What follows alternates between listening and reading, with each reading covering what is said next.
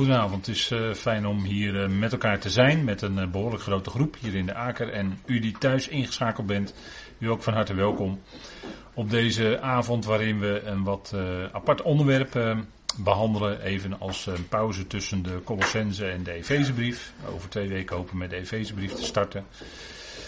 En vanavond willen we kijken naar wat vindplaatsen over het onderwerp dood en dan zou je kunnen zeggen. Uh, wat staat hier dan? Er zijn diverse schriftplaatsen die misschien daarin problematisch kunnen zijn. En dit is eigenlijk een, uh, een aansluitend vervolg op de spreekbeurt die ik op 31 eh, oktober 2021 heb gehouden over dit onderwerp.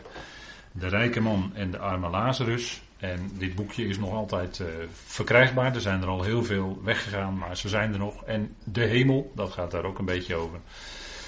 Ik denk dat het fijn is als u die uh, wil hebben, kunt u ze gewoon bestellen en zijn ze beschikbaar op de boekentafel. Goed, we gaan uh, met elkaar eens kijken naar hoe zit het nou met dood en welke schriftplaatsen kunnen we daarvan uh, met elkaar bekijken die eventueel voor mensen problematisch kunnen zijn van hoe zit het nou daarmee met die tekst. Goed, we gaan eerst met elkaar beginnen met gebed. Vader, we danken u dat we zo ook vanavond hier weer bij elkaar mogen zijn. Dank u wel dat we dat weer doen met het woord van u. We danken u dat u ons zicht geeft op die heerlijke toekomst. U geeft ons een geweldige verwachting. En vader ook de dood is een vijand. En uw schrift zegt daar toch duidelijke dingen over. Hoe zit het nu als een mens overleden is? Is er dan nog bewustzijn? Of ligt dat toch anders? Vader, dank u wel dat we vanuit uw woord daar antwoord op willen zoeken vanavond en vinden. En dank u wel dat als we die schriften nauwkeurig volgen, dat u dan ook het licht geeft wat nodig is. We danken u dat u ons daarin wilt leiden in het spreken, in woorden. Mag het in wijsheid zijn en mag het opbouwend zijn. Vader, dank u wel dat u die grote God bent, die alles zo in uw plan heeft gepland. Dat het exact goed is en tot uw heerlijkheid leidt. Dat het rechtvaardig is en ten diepste voortkomt uit uw liefde. We danken u daarvoor dat u ook zo deze avond met elkaar geeft. Dank u wel in de naam van uw geliefde zoon. Amen. Goed, onderwerp, wat staat hier dan? Allereerst denk ik dat het toch goed is als we met elkaar nadenken over wat nu precies uh, de dood is en wat opstanding en leven betekent. En hoe dat nou zit in de dood, hè? als iemand overleden is, hoe is dat dan? Gaan we toch eerst even kijken naar wat is de mens, om even een wat completer uh, idee te hebben. En dan wordt het ook duidelijker als dingen gezegd worden waar het vandaan komt.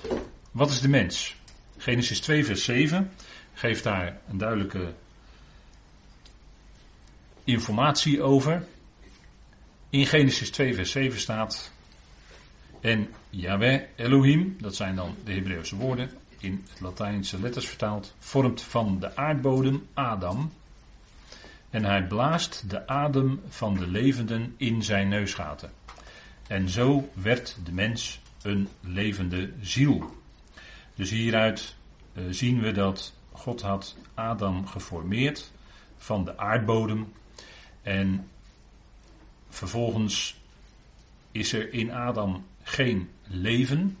Leven is er pas toen God in de neusgaten van Adam de adem van de levenden blies. En het komt dus voort uit de geest van God. Geest is altijd de bron of datgene wat leven geeft. Zonder geest is er geen leven. Nu komt het woord geest, dat is het uh, Hebreeuwse woord ruach. De, uh, staat hier niet. Uh, hier staat de adem van de levenden. In het Hebreeuws staat er dan de nishmat chaim. En dat is meervoud. Vandaar adem van de levenden in zijn neusgaten. Maar God blaast. En God is naar de schrift essentieel geest. Hij blaast in de neusgaten en zo wordt de mens tot een levende ziel. Dus die levende ziel is er pas nadat die adem van de levenden in de mens is geblazen. Pas dan is er leven. Zo zit de mens in elkaar. Eigenlijk heel duidelijk, denk ik, als je dit leest.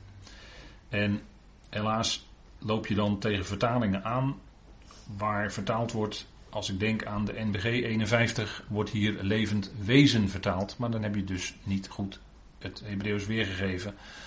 Want hier staat nu eenmaal het woord nefesh. En dat is ziel en dat is niet een wezen. Dus dat is uh, letterlijk vertalen is in dit geval echt geboden. Als de mens sterft, als de mens sterft, wat gebeurt er dan? Wat is dat dan? dus we staan hier, we hebben net gelezen over het begin van het leven, begin van de eerste mens, het leven. Daar geeft Genesis 3, vers 17 tot en met 19 antwoord op. Als de mens gezondigd heeft, dan wordt er tegen de mens gezegd: In het zweet van je voorhoofd zul je je brood eten, tot je tot de aardbodem terugkeert, omdat je daaruit genomen bent. Want stof ben je en tot stof zul je terugkeren. Het woord aardbodem is hier bijna het woord Adam, maar dan Adama. Dus dat is, uh, vandaar, uh, daar is de mens uit genomen, hè? uit de aardbodem. En hier zegt Genesis 3, vers 19, dat als de mens sterft, keert die terug naar die aardbodem. En dan staat er, stof ben je en tot stof zul je terugkeren. En dat stof is eigenlijk het woord voor, ja, moeilijk, maar grond. Eigenlijk uh, de toplaag van de aardbodem zou je kunnen zeggen. Uh, het Hebreeuwse woord ofir is dat. En dat is, uh, ja, dat, dat is. Maar goed, ik heb het toch met stof hier vertaald. En opnieuw lezen we hier het woord terugkeren. Ik heb het ook twee keer gecursiveerd in deze tekst, omdat dat het woord is waar het om gaat. De dood is een terugkeer. In ieder geval, dit vers zegt dat het lichaam terugkeert tot stof. En dan hebben we nog even geen informatie of er nog eventueel een bepaalde vorm van leven of bewustzijn is. Maar goed, we gaan door. Dan kijken we naar de geest. En in Prediker 12, ook een bekende tekst voor u denk ik. Prediker 12 vers 7, daar staat, en uh, Prediker 12 is op zich een, uh, een bijzonder gedeelte waarin het ouder worden van de mens op een mooie manier beschreven staat. En uh, ja, de, de rug kromt zich en de tanden worden minder en, en er wordt van alles beschreven op een hele mooie beeldsprakerige manier. En dat slot van het stukje is dan, vers 7, er staat het stof terugkeert naar de aarde zoals het werd. En dat hadden we net ook al in Genesis 3, vers 19 gelezen. Dus dat is ook een terugkeer. En de geest terugkeert tot God. Dus die geest. Geest is natuurlijk de basis van, basis van de adem van de mens. Die geest keert dan terug tot God. Elohim. Die deze gaf. Wordt er nog even ook bij vermeld, hè, nadrukkelijk. En prediker uh, vermeldt er dan nog bij dat dit, uh, als je een paar, verder, verder, uh, paar versen verder leest, dat prediker schreef met de hem gegeven wijsheid. En dat het woorden van waarheid staan, zijn. Woorden van waarheid. Het was nog even één of twee versen verder, of vers 10 meen ik. Daar, daar wordt het nog eens even onderstreept. Hè? Dus duidelijk, we krijgen duidelijk hier, wordt ons aangegeven dat als een mens sterft, dan keert die geest terug tot God. Die geest terug tot God. En de Heer Jezus, die bad ook aan het kruis bij zijn sterven: Vader, in uw handen beveel ik mijn geest. En dat sluit helemaal aan precies bij wat Prediker 12, vers 7 zegt. Vader, in uw handen beveel ik mijn geest. Exact. Dus dat is niets verschillend van wat al geschreven stond. Dus als de mens sterft, dan hebben we twee keer hier duidelijk het woord terugkeren. Dat is eh, in het Hebreeuws het woord shuf. En dat wordt dus benadrukt. Het sterven is een terugkeer. Het is een terugkeer naar de elementen, om het zo maar te zeggen, waaruit de mens is opgebouwd. Dus nu hebben we iets over het lichaam en iets over de geest. En dan de ziel.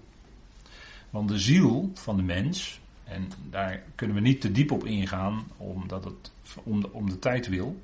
Maar de ziel van de mens is dat als een mens zich bewust is, als een mens bewustzijn heeft, als een mens leeft, denkt, uh, beweegt, uh, noem alles maar op, dingen ervaart, voelt, dat heeft allemaal te maken met de ziel. De mens is een levende ziel en op dat moment ervaart en voelt en denkt en noem alles maar op. Dat is allemaal de ziel. Maar een levende ziel is er pas, hebben we gelezen in Genesis 2, vers 7, op het moment dat er geest in de mens is. Dus ook adem. Zonder adem, zonder geest is er geen levende ziel. Dus het leven is altijd verbonden met de geest. Dat is, dat is de basis. In, Psalm 9, vers 18 staat: En de slechten keren terug naar de Sheol. Dat is ook een Hebreeuws woord. Dat betekent letterlijk het onwaarneembare. Alle natieën die God vergeten. Dus hier wordt iets gezegd algemeen over de hele mens. De hele mens keert terug naar de Sheol. Kennelijk, zou je denken. Maar als we een paar psalmen verder kijken, daar profeteert David over. Zonder het, ja, op dat moment vermoedde David wel iets. Maar Petrus stelt dat later op de Pinksterdag vast. Dat David in feite profetisch sprak in Psalm 16 over de Messias, over de Christus, over de zoon van David. Met een hoofdletter. En daar wordt gezegd in Psalm 16, vers 10. Want u zult mijn ziel niet verlaten in Sheol of Hades, het onwaarneembare. U zult niet toelaten dat uw goedgunstige verderf ziet. goedgunstige, hier heb ik het zo vertaald, omdat hier staat het woord Gassit. U kent ze wel, hè, met die zwarte kleding aan. Die noemen zich de Gassidim. Ja, hier staat het woord Gassit. En dat is afgeleid van het Hebreeuwse woord geset. En dat betekent goedgunstigheid of goedgunstig. En goed, de goed, vandaar hier vertaald uw goedgunstige met een hoofdletter. Het wijst op de Messias, op Jezus die de Christus is. De ziel zou, eh, de goedgunstige zou geen verderf zien. En hier wordt dan gezegd dat die ziel niet overgelaten of verlaten zou worden in Sheol of Hades. Dus dat Griekse woord is Hades. En het woord Hades betekent ook onwaarneembaar. Als je dat heel letterlijk terugvoert, dan kom je daarop uit. En dat wordt dus gezegd van, door Petrus ook, wordt dat toegepast. Eh, Petrus werd door de geest van God geïnspireerd om dat toe te passen. Dat Psalm 16 over de Christus gaat. Jezus die de Christus is, de Messias. En die zag inderdaad geen verderf, want hij stond op op de derde dag. Dus zijn ziel werd niet verlaten. Hij bleef niet onwaarneembaar. Maar hij kwam weer tevoorschijn, om het zo maar te zeggen. Dus de ziel wordt hier verbonden met Hades, met het woord Hades, met Sheol. Dat wil zeggen, in de dood is die ziel er niet meer. Als een mens is overleden, dan is die ziel, keert die ziel ook terug naar onwaarneembaar. Voordat die mens er was, was die ziel ook onwaarneembaar. Die ziel werd pas waar te nemen op het moment dat er adem, dat er geest in dat lichaam werd geblazen. Pas dan heb je een levende ziel, dan is die de ziel er. Vallen die twee componenten uit elkaar bij het sterven, dan heb je ook geen ziel meer en is die ziel ook niet meer waarneembaar. En de mens, dat is de volgende vraag, ervaart een mens dan nog iets op het moment dat die mens overleden is? We hebben nu wat bij elkaar gezet. Dat is het volgende punt en dat is wat, ehm, als we het even samenvatten in een overzichtje, dan zien we oorsprong, waar het vandaan komt, en het wordt, wat het wordt en waar het naar terugkeert. En dan zien we eigenlijk dat het heel duidelijk is, wat de schrift daarin aangeeft. Oorsprong, wordt en keert terug tot. Lichaam plus adem, dan hebben we een levende ziel en lichaam min adem, dan heb je, en dat, die uitdrukking wordt in de schrift ook gebruikt, dan heb je een dode ziel. Dus dan is die ziel dood. Dat is het adjectief hè, wat er dan bij gezet wordt. Onwaarneembaar. Die ziel is er dan niet meer. En dat is eigenlijk wat wat je zou kunnen zeggen, een overzicht van hoe dat met de mens zit. Leven, oorsprong, leven en sterven. En dan de toestand van de doden. En degene die dat hebben gelezen uit uh, het artikel uit uh, CIP, de website cip.nl, uit 2010, die hebben dat kunnen lezen en misschien uh, hier en daar toch wel met wat verbazing hoe dat allemaal gesteld werd. Want het artikel wilde dan iets zeggen, en dat was richting Pasen, wilde iets zeggen over hoe dat zit met leven en sterven en opstanding. En daar werd even aan de tussentoestand als onsterfelijkheid opgevoerd. Eh, na een klein inleiding, ik heb het hier voor me liggen, zegt men dan in de alinea, in, in het artikel van CIP, leven na de dood. En het eerste wat men stelt is, de mens is absoluut onsterfelijk. Dood is niet dood. Dat is een stelling die ze niet bewijzen, want er wordt geen enkele schriftplaats bij gegeven. Kunnen ze ook niet, omdat de schrift dat gewoon niet zegt. Dus je ziet dat eigenlijk men het omdraait. Dus eerst stelt men dit, dat dit zo is. En vervolgens komen er een heleboel teksten die dan een bepaalde gedachtegang naar voren brengen. Maar die stelling is dus helemaal precies wat de slang ook in de hof zei. Uh, u zult niet sterven. Dat zei de slang. Maar dat wordt hier dus gewoon zo gesteld. Hè? De mens is absoluut onsterfelijk. Dat is gewoon niet waar.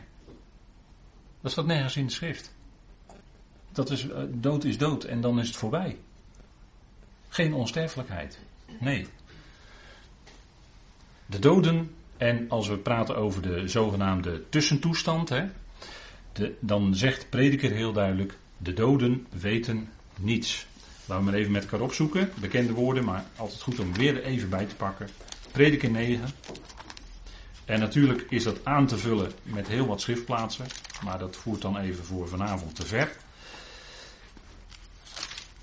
Prediker 9. Dat is de roeper, hè, de kahal, de kohelet, de roeper of de uitroeper van Tenach. En die roept een heleboel behartenswaardige dingen. Onder andere in hoofdstuk 9, vers 5. Want daar staat, want de levenden weten dat zij sterven zullen. Maar, letterlijk staat er in het Hebreeuws en, hè, dat, eh, dat is het standaard voegwoordje in het Hebreeuws. Gewoon en staat er dan, de, de waf in het Hebreeuws. En de doden weten helemaal niets. Zij hebben ook geen loon meer, maar hun gedachtenis is vergeten. Ook hun liefde, ook hun haat, ook hun afgunst is allemaal vergaan. Zij hebben geen deel meer voor de aion aan alles wat onder de zon plaatsvindt. Dus die ziel, hier wordt ook allemaal dingen van de ziel beschreven, is dan weg. Dat is dan gestopt. Dat is er niet meer. En vers 10 staat: Al wat uw hand vindt om te doen, doe dat naar uw vermogen. Want er is geen werk en geen overleg, geen kennis en wijsheid in het graf. En dan staat er letterlijk het woord Sheol of het onwaarneembare, waar u naartoe gaat. Dus heel duidelijk, als we deze verse met elkaar lezen, dan is dat heel duidelijk: de doden weten niets. Zij ervaren niets meer. En al hun werk en, en al wat je maar kan bedenken, dat is er niet meer, is allemaal onwaarneembaar geworden. En de doden nemen zelf ook niets waar. Dus de ziel is onwaarneembaar. Als we het hebben over de tussentoestand, dan is de ziel onwaarneembaar. En de ziel zelf neemt ook niets waar. Die ziel is er eenvoudigweg niet meer dat is eigenlijk wat de schrift duidelijk maakt. De ziel is er niet meer tot de opstanding. Pas dan komt er weer geest in de mens. Dan roept God de mens weer tevoorschijn. Dan komt er ook geest in en dan is er pas weer bewustzijn. Dan is er pas weer sprake van bewuste waarneming. En in de tussentijd weet de mens van niets. Dus we zeggen wel eens tegen elkaar als sprekenderwijs dat als de mens sterft, dan is het voor de ervaring van die mens slechts één seconde en dan doet die mens de ogen weer open en is zich totaal niet bewust van de tijd die ertussen zat. Of het nu 10.000 jaar is of, uh, of 5.000 jaar, de mens weet er niet van. Maar staat weer op. En het is voor de ervaring alsof het direct na het leven, na het aardse leven, direct na het sterven de ogen weer open doet. is één uitzondering. Dat is het groepje mensen van het lichaam van Christus dat nog leeft als de bazuin klinkt. Dat is de uitzondering. Want er staat in 1 Korinthe 15 dat uh, diegenen niet zullen ontslapen, maar die zullen, hè, die zullen dus niet overlijden, maar die zullen veranderd worden. Dat is een geheimenis. Dat is 1 Korinthe 15, hè, dat is heel duidelijk denk ik. Maar het is maar een kleine groep die dat uh, zal meemaken. En wie weet, zoals we hier zijn, maken wij dat mee, dat moment van het bezuin. Zou zomaar kunnen. Goed, dan even, wat, uh, even één slide met wat, laten we maar zeggen, vertaalproblemen. Dat is de grote makke waar we altijd tegenaan lopen. Zeker als het over dit onderwerp gaat, dat het niet consequent vertaald is. Het bovenste woord is Sheol Hades, dat is onwaarneembaar. Dan hebben we Tartarus, eigenlijk is dat een werkwoord, dat wordt maar één keer gebruikt in de Griekse schrift. Dat betekent eigenlijk in Tartarus werpen of in Tartarus doen. En dan het woord Gehenna, en dat betekent eigenlijk het dal Hinnom. Was het maar zo vertaald, zoals die bovenste. Maar de Statenvertaling vertaalde hel. En dan weet ik wel, in de 17e eeuw of 16e eeuw had het woord hel in het Nederlands een wat andere betekenis dan het later gekregen heeft met uh, gelijkschakeling met de poel des vuurs. Maar men vertaalde dus het woord hel voor alle drie woorden. Dan ben je dus in verwarring. Want als zowel Hades als Gehenna met het woord hel wordt vertaald, weet jij niet meer wat er in de grondtekst staat. Dat is het grote probleem met de vertaling. NBG 51, die deed een poging om dat enigszins te verbeteren. Die vertaalde dodenrijk of graf voor Sheol Hades. Het woord hel voor Gehenna, dus dat liet men daar staan. En afgrond voor Tartarus. Dus dan ben je nog op een paar woorden de weg kwijt in feite, zou je kunnen zeggen. En dan de NBV 2021 met 12.000 verbeteringen ten opzichte van de NBV die in 2004 verscheen. 12.000 verbeteringen. En dan zijn ze er nog niet, want ik moet toch even van mijn hart. Afgelopen zondag werd Efeze 1, vers 4 tot en met 6 uit de NBV-vertaling voorgelezen. En toen had ik al zoiets van. Hmm, hmm, hmm, deed ik een keer of 6, 7 van binnen. En dat is totaal, maar dan ook totaal wegvertaald eigenlijk in de NBV wat daar eigenlijk staat. En dan vind ik het gewoon jammer dat dan de NBV wordt voorgelezen. Maar goed, NBV 2021 vertaalt dodenrijk of graf voor Sheol Hades. Dus die hebben dat laten staan. Ze hadden liever wat mooier geweest als ze daar onwaarneembaar hadden vertaald. Ze hebben het woord Gehenna onvertaald laten staan. Dat is wel een stuk beter. Want dan geef je wel eerlijk weer wat er echt staat. Maar ze kunnen beter, nog beter, naar mijn mening, het dal Hinnom gewoon vertalen. Vertaal dan Hinnom. En inderdaad hebben ze ook het woord Tartarus vertaald voor wat daar ook staat in 2 Petrus 2. Maar daar komen we vanavond later op de avond nog wel aan toe, hoop ik.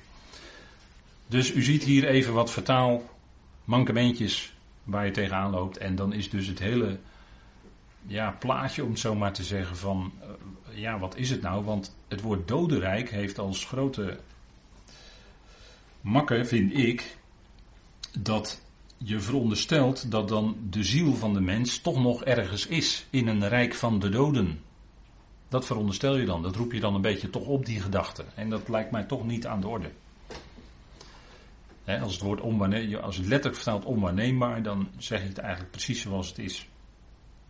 Maar goed, hoe zit het dan met? Er zijn een aantal teksten die wat problematisch zijn in dit verband. Leren, in de dood is geen bewustzijn, in de tussentoestand is geen bewustzijn. Maar hoe zit het dan met? De eerste die we vanavond willen bekijken, dat is de bekende en in sommige kringen ook beruchte tekst uit Lucas 23, vers 43, waar in de vertaling staat: Ik zeg je, heden zul je met mij in het paradijs zijn. Dus de komma is gezet voor het woord heden. Toch, als je het correcter wilt doen, in, natuurlijk staan er in de grondtekst geen leestekens, zou je toch beter zeggen: Ik zeg je heden, je zult met mij in het paradijs zijn. En die zinsconstructie, ik zeg je heden, die komt eigenlijk niet echt, uh, niet, verder niet echt voor. Maar het woord heden is eigenlijk, uh, ja, daar zit het woord dag zit daar eigenlijk in. En daarin zeg je iets wat op, op dat moment wordt dat door de Heer gezegd. En hij geeft hier een belofte. Je zult met mij in het paradijs zijn. Wat je dan moet doen is, als je dan niet uitkomt, hè, wat bedoelde de Heer dan precies als antwoord aan die misdadiger aan het kruis? Want die zei, Heer, denk aan mij wanneer u in uw koninkrijk komt. En die vraagt getuigde van geloof. Want daarvoor was de Heer natuurlijk rondgegaan als de koning van het koninkrijk. Hij werd verworpen, hij werd uiteindelijk gekruisigd. En die misdadiger of die moordenaar aan het kruis, die, zei, die vroeg: Heer, denk aan mij wanneer u in uw koninkrijk komt. Daarmee erkende hij dat die Heer inderdaad die koning is. Dat getuigde van geloof. En dat getuigde van een groter geloof dan vele anderen die eh, met de Heer Jezus in zijn leven te maken hadden gehad. Dat was echt een uitspraak waarin A. de moordenaar wist als hij sterft zal hij toch weer opstaan. Want hij, hè, hij vraagt als u in uw koninkrijk komt. Dus, even, even realiseren wat hij dan zegt. Hè. Dus dat dit niet het definitieve einde van de Heer zou zijn. Nee, hij zag dat de Heer echt de Messias is. De koning van dat komende koninkrijk. Waar de Heer zelf ook over gesproken had. En dat geloofde die misdadiger aan het kruis. En daarom vroeg hij dat. En dat honoreerde de Heer met een belofte. Ik zeg je heden, je zult met mij in het paradijs zijn. De Heer, en als we nu die gegevens hebben verzameld uit Tenach, en de Heer kende die Tenach veel beter dan dat wij die kennen. Maar als we die gegevens over dood en, en de toestand van de doden verzameld hebben, dan kon de Heer toch nooit zeggen: Je zult heden met mij in het paradijs zijn. Met andere woorden, als wij gestorven zijn, zullen wij direct in een of andere heerlijkheidstoestand zijn. Dat kan hij toch niet zeggen. Wat beloofde de Heer dan? Dan moet je je afvragen, wat is dan dat paradijs? Nou, dat woord paradijs, dat heeft te maken met park. Dat is het Griekse woord paradijsos. Dat is, dat is, dat is uh, het Nederlands is eigenlijk uh, bijna het Griekse woord. En dat is eigenlijk een, uh, slaat eigenlijk terug op een Persisch woord, maar dat wordt in de Griekse vertaling, die in die tijd, hè, de Septuagint, die in die tijd gangbaar was, waaruit gelezen werd, waaruit uh, gehoord werd, hè, het werd voorgelezen, het werd gehoord, werd dat woord paradijsos gebruikt voor bijvoorbeeld een tuin of een hof. In Genesis 2 en 3 wordt gesproken over de hof van Eden. Adam en Eva waren in de tuin. En dat slaat eigenlijk, het Hebreeuwse woord gan slaat eigenlijk op een omheinde plaats, dus een tuin. Hè. Dat is meestal op een of andere manier afgeperkt en zo wordt het woord wordt, uh, vaak in de Griekse vertaling vertaald voor het Hebreeuwse woord dan. In, en zo ook in Jesaja 51. En in Jesaja 51, daar zitten we eigenlijk in de profetieën van Jesaja, wat ook wel genoemd wordt, hè, Jesaja 40 tot en met 55 wordt ook wel genoemd het troostboek van Jezaja. Met allerlei beloftes voor het komende koninkrijk onder de Messias Jezus. En dat begint al in Jezaja 40, weet u wel, met troost, troost mijn volk. En ook hier wordt gesproken over die vertroosting, hè, over die nagam. Yahweh, Jezaja 51 vers 3.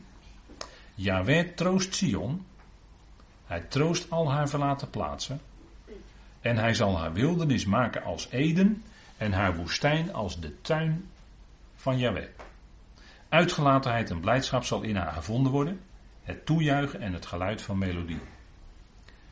Dus hier wordt dat woord tuin gebruikt en haar woestijn, dus een belofte van het komende Messiaanse Rijk. Hè. Hij zal haar wildernis maken als Eden. En Eden is het woord voor wilde of luxe of hè, dat, dat, uh, hebben ze hier onvertaald dan gelaten. En haar woestijn als de tuin van Yahweh. Dat is een belofte van het koninkrijk. De woestijn zal, zegt een andere profetie, de woestijn zal bloeien als een roos. Als de tuin van Yahweh. Uitgelatenheid en blijdschap zal in haar gevonden worden. Dus dat is de, de tijd van het koninkrijk. De tijd van de shalom. De tijd van het welzijn voor het volk. Wat ook welzijn zal betekenen voor de volkeren. En daar wordt het woord paradijsos ook gebruikt. Dus het zal worden als het paradijs van Yahweh, staat er dan hier in de Griekse vertaling. En de Heer die verwees dan kennelijk op basis van deze profetie naar dat Messiaanse Rijk. Dus dan hebben we al een eerste aanwijzing hè, waar de Heer dan naar verwees, waar de Heer dan beloofde. En natuurlijk, dat Messiaanse Rijk lag nog toen de Heer aan het kruis hing met die misdadiger, lag natuurlijk nog in de toekomst. Het zou gaan komen, naar Daniel 2, vers 44. Maar het was nog toekomstig. Dus wat beloofde de Heer eigenlijk? Die beloofde dat die misdadiger met hem aanwezig zou zijn in zijn koninkrijk. Alleen de Heer gebruikte hier het woord paradijs, wat in Tenach ook gebruikt wordt.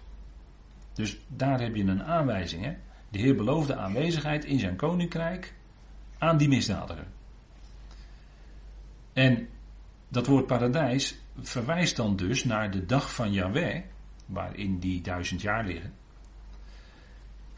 Maar het verwijst ook naar de nieuwe aarde. En laten we even met elkaar kijken hoe dat dan zit. Want dat is natuurlijk een voortzetting van het koninkrijk. Hè? We hebben met studies openbaring gezien dat de dag van Yahweh is het koninkrijk van Christus. En de dag van God, dat is de nieuwe hemel en de nieuwe aarde, dat is het koninkrijk van de zoon. Het koninkrijk loopt natuurlijk door. Hè? Dat is niet alleen de komende eon, maar ook die eon daarna. Dat is nog steeds dat koninkrijk. Paulus die gebruikt dat woord in 2 Korinthe 12. Even met elkaar opzoeken. Waarschijnlijk voor u ook wel hele bekende woorden, maar toch. Daar verwijst hij naar de gebeurtenis aan die Corinthiërs. Hij zegt, vanaf vers 2 lees ik even met u, 2 Korinthe 12 vanaf vers 2. Ik ken een mens in Christus, 14 jaar is het geleden. Of het in het lichaam was, weet ik niet. Of buiten het lichaam, ik weet het niet. God weet het. Dat zo iemand tot in de derde hemel werd opgenomen. En ik weet van deze mens, of het in het lichaam of buiten het lichaam was, weet ik niet. God weet het. Dat hij werd opgenomen in het paradijs en onuitsprekelijke woorden heeft gehoord die het de mens niet geoorloofd is uit te spreken. Nou, Paulus verwijst hier naar de derde hemel en naar het paradijs. En als je kijkt in, in de volgorde van de schrift en je pakt de kalender van God erbij, dan zie je dat die derde hemel, dat dat de, tijd is van de, hè, de, hemel, de nieuwe hemel en de nieuwe aarde. Als je, dacht van, als je het overzicht hebt van de kalender van God, dan weet je dat er drie hemelen en drie aarden zijn. De eerste voor de nederwerping, Genesis 1 vers 1. De hemelen en de aarde die er nu zijn. En de toekomstige nieuwe hemelen en nieuwe aarde. Dus heb je drie hemelen en drie aarden. En vandaar dat Paulus hier zegt dat hij opgetrokken is geweest tot in de derde hemel. Dus hij heeft een inzicht gekregen. Hij heeft gekeken in die nieuwe schepping, nieuwe hemel en nieuwe aarde. Want dat paradijs, waar hij dan naar verwijst, dat verwijst mede ook naar die nieuwe aarde. Als we kijken in Openbaring 2, vers 7, zoals op de slide aangegeven. Openbaring 2, vers 7, er wordt een belofte gegeven aan de overwinnaars.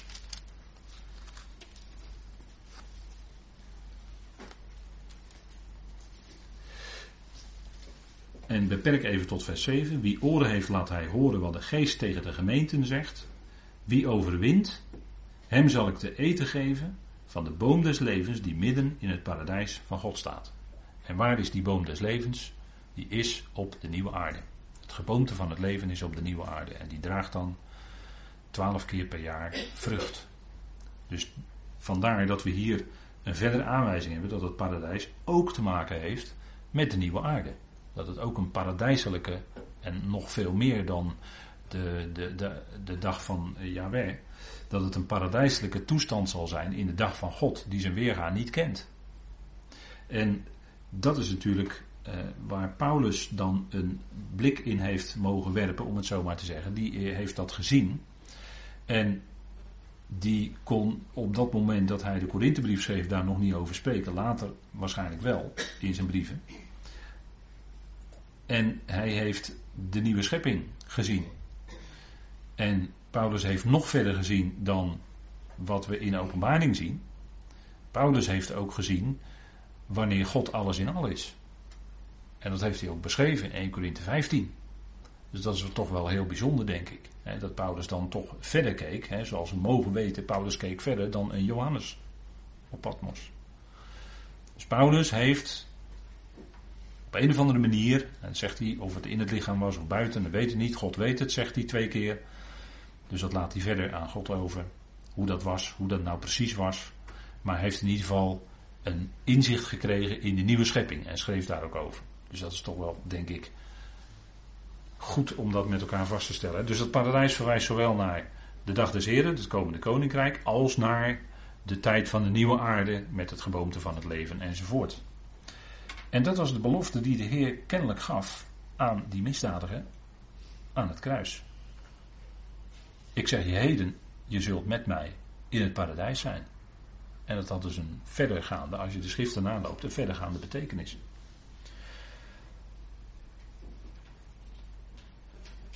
Moeilijke tekst, altijd omdat de komma anders staat, maar de Heer verwees natuurlijk naar de toekomst in de opstanding. Dan een volgende vindplaats, die altijd anders begrepen wordt. En dat komt ook door de vertaling, dat moet ik wel zeggen. Het komt ook door de NBG-vertaling. Daarmee wordt een bepaalde indruk gewekt. En dat moeten we toch corrigeren met elkaar. Dat is Filippenzen 1. Want als u in gesprek bent met mensen, en dat heb ik ook wel zo meegemaakt, dan werd deze tekst dan los. Weer, eh, gaan we weer. Werd deze tekst er los in een gesprek bijgehaald. En dat kun je nooit doen. Je moet altijd een tekst in zijn context, in zijn tekstverband bestuderen. Want er staat in de NBG: Ik verlang er naar heen te gaan en met Christus te zijn, want dat is verreweg het beste. En wat denkt de medegelovige dan? Die denkt dan dat Paulus verlangde naar zijn moment van sterven en dan zou hij direct na het sterven bij de Heer zijn. Zo wordt deze tekst altijd begrepen. En, en als we dat stuk gelezen hebben, als u dat stuk gelezen heeft uit eh, cip.nl, dan is dat ook exact waar men naartoe schrijft. Hè? Dat, het, dat het dan zo, dat die tekst die betekenis heeft. Maar als we eens even kijken in het tekstverband waar Filippenzen 1 in staat, en natuurlijk is dat in de studies naar voren gekomen van Filippenzen.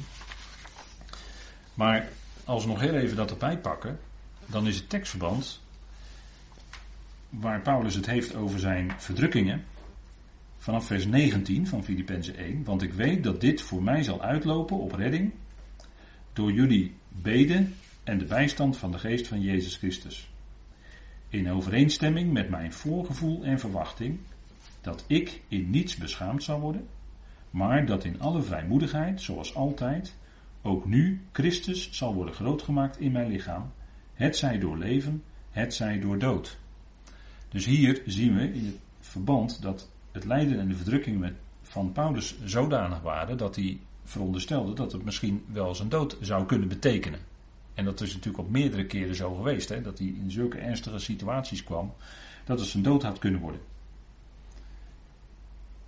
Want hij geeft hier twee mogelijkheden aan. Christus zal worden grootgemaakt in mijn lichaam, het zij door leven, het zij door dood. Dus ook al zou het zijn dood betekenen, dan nog zou dat leiden tot het groot maken van Christus. Daar ging het natuurlijk om.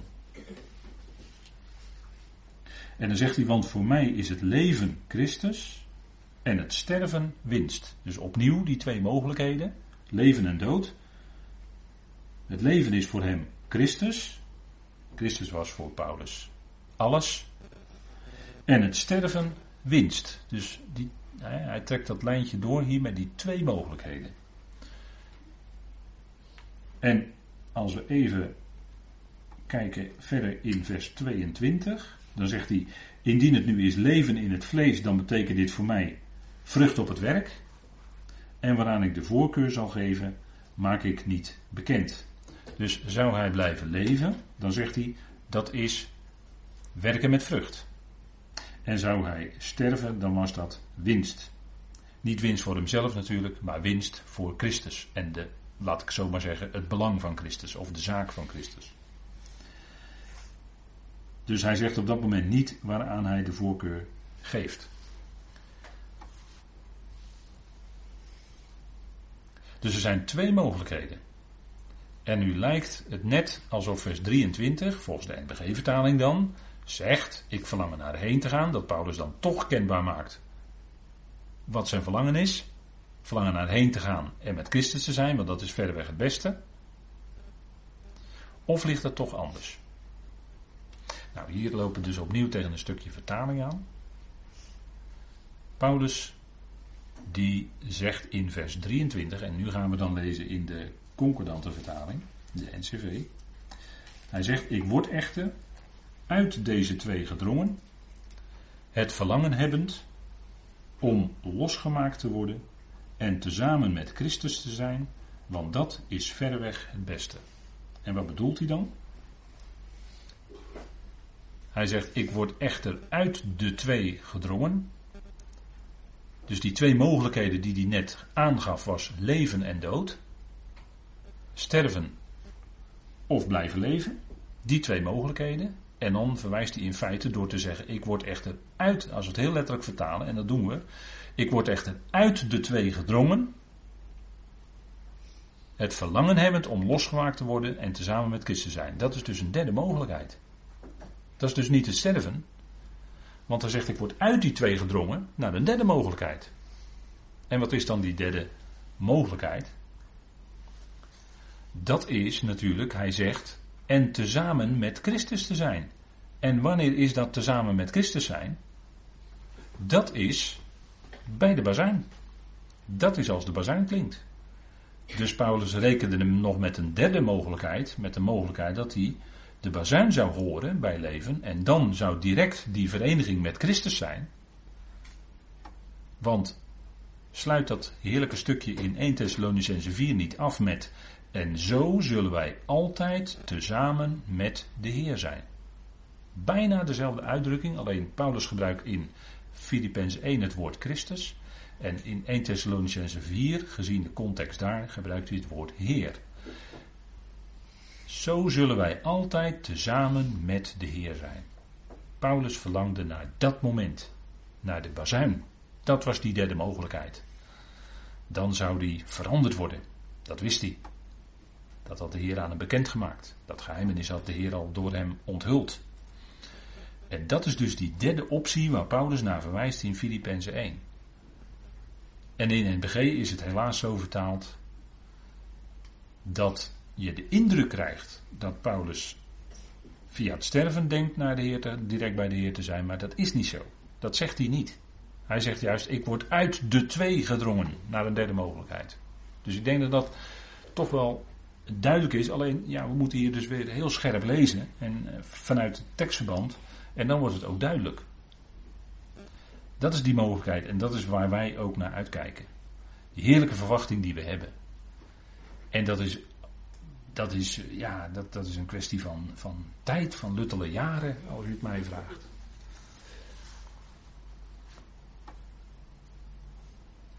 Dat was zijn verlangen. Dat is ook uw en mijn verlangen altijd tezamen met de Heer zijn. Door de bazuin. Dat die klinkt. Daar leven we naartoe. Dat is onze verwachting. Daar, ja, daar, daar, daar leef je als gelovige naartoe. En dan, dan, dan leef je op een andere manier. Dan leef je anders dan voorheen. Voorheen maakte je misschien plannen voor over 30, 40, 50 jaar. Dat je nog goed pensioen, weet ik wat allemaal. Maar dat, dat, ik denk dat dat niet meer aan de orde is nu ik denk dat die, datgene wat wij verwachten, dat het, dat het aan zit te komen. En dat we als gelovigen daar echt naar uitkijken. Paulus leefde ook zo. En misschien vermoedde Paulus wel dat het, dat het misschien wat langer zou gaan duren, maar toch was zijn leven, was zijn verwachting, en hij zegt het ook hier in Filippenzen heel, heel mooi, hè, kort samengevat. Het leven is voor mij Christus. Dat was het leven van de apostel Paulus. Hij leefde met die Heer. Hij leefde voor die Heer. Zijn hele leven stond in het teken van die heerlijke Heer Christus Jezus. Hem te kennen, zegt hij toch in Filippenzen 3. Hè? Hem te kennen en de kracht van zijn opstanding. Dat, dat was het leven van Paulus. Dus zo leefde hij. Dat was zijn praktijk dagelijks. Leven met hem. En dan toeleven naar dat moment dat die bazuin klinkt. Dat is natuurlijk geweldig, hè? dat we die heerlijke verwachting mogen koesteren dat zijn geen loze woorden natuurlijk, 1 Thessalonians absoluut niet. Ze zijn weggeredeneerd in theologie. Je hoort er nooit over in andere geloofs, laat ik maar zeggen, geloofsgroepen. Een aantal wel, maar een heel aantal ook niet. Hoor je er nooit over spreken. Het is een ondergeschoven iets geworden. Weggeschoven. Maar die verwachting, die koesteren wij. Staat geschreven. En God doet wat hij belooft. Het staat geschreven, daar kunnen we van op aan. Een derde.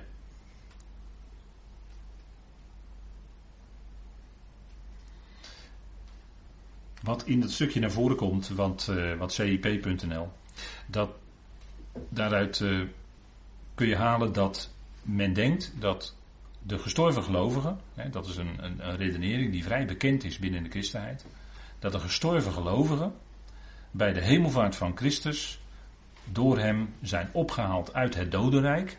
Uh, wanneer het exacte moment was, is nooit helemaal duidelijk. Maar in ieder geval, de, de gelovigen zijn opgehaald uit het dodenrijk door Christus. En die zijn met hem meegegaan naar de hemel. Dat is een gedachte. En dat is op dit plaatje wordt dat uh, eigenlijk door iemand uit, uh, is dat helemaal in schema gezet. Uh, u ziet dat eigenlijk dat bovenste gele gedeelte. Dan ziet u het Rijk van Christus. Nou, de ware gelovigen. Die zijn in het paradijs nu. Dat is dan de schoot van Abraham. Oftewel de hemel. En die gaan via opstanding de rechterstoel van Christus en komen dan in de hemel en hebben dan eeuwig leven. En daartussen zit dan een grote kloof. En mensen die lijden daar al smart en pijn in deze visie. Hè. Mensen lijden daar al smart en pijn. En dan via de grote witte troon krijgen ze daarna nog veel ergere pijniging in de hel. Nou, dat is een, uh, dit is een vrij bekend plaatje wat men gelooft binnen het, het christendom, de christenheid. Hè. Maar is dat ook zo? Hebben we daar grond voor? soms lijkt dat wel misschien ergens gezegd te worden, maar de bewuste vindplaats, gaat die daar ook over? Is dat dan, dan ook zo? Dat is Efeze 4, vers 8. En dat is wat, dat is wat uh, dan gebruikt wordt als, uh, als tekst om het daaraan op te hangen. Sorry dat ik dat even dan zo zeg, maar dat doet men. Daarom zegt hij, Efeze 4 vers 8, bekende woorden, opstijgend in de hoogte neemt hij de gevangenschap gevangen. En wat betekent dat dan? Moet je als gelovige afvragen. Hè? De gevangenschap, wat is dat dan? Neemt hij de gevangenschap gevangen? Wanneer heeft hij dat dan gedaan? En dit is een citaat uit Psalm 68. Dus ik geef al een hint daarmee. En het is algemeen bekend, een psalm die gaat over de verhoogde Heer, de heerlijkheid van Yahweh. En daarin wordt dit ook zo gezegd. Dus dit, dit ontleent uh, Paulus dan door God geïnspireerd aan Psalm 68. En de gedachte hierbij is dat hij dan, uh, de gedachte in de christenheid is dat die gevangenschap, dat het al die gelovigen zijn die in de schoot van Abraham waren, of in het dodenrijk, daar waren ze dan gevangen, dat is dan de gedachte. Daar zijn ze dan door de Heer uitgehaald. Dat is die, die hele gevangenschap is dus een hele groep mensen in divisie. En die gevangenschap wordt dan meegevoerd met de Heer. En die is dan nu, hè, dat zijn al die gelovigen. Hè, ook uh, bijvoorbeeld uh, Abraham, Isaac, Jacob. Hè, want daar wordt van gezegd, die zullen aanliggen met de Heer in het koninkrijk der hemelen. En daar maakt men dan van dat dat dan de hemel is. U ziet hoe, hoe de dingen dan tekst voor tekst zo aan elkaar geknoopt worden neemt de gevangenschap gevangen en die heeft hij dan meegevoerd in de hoogte. Want dat is de context ook in Efeze 4, de verheerlijking van Christus, opstijgend in de hoogte. er wordt verwezen naar zijn hemelvaart. En die gevangenschap is dan die hele groep. Goed, wij gaan uh, even pauzeren.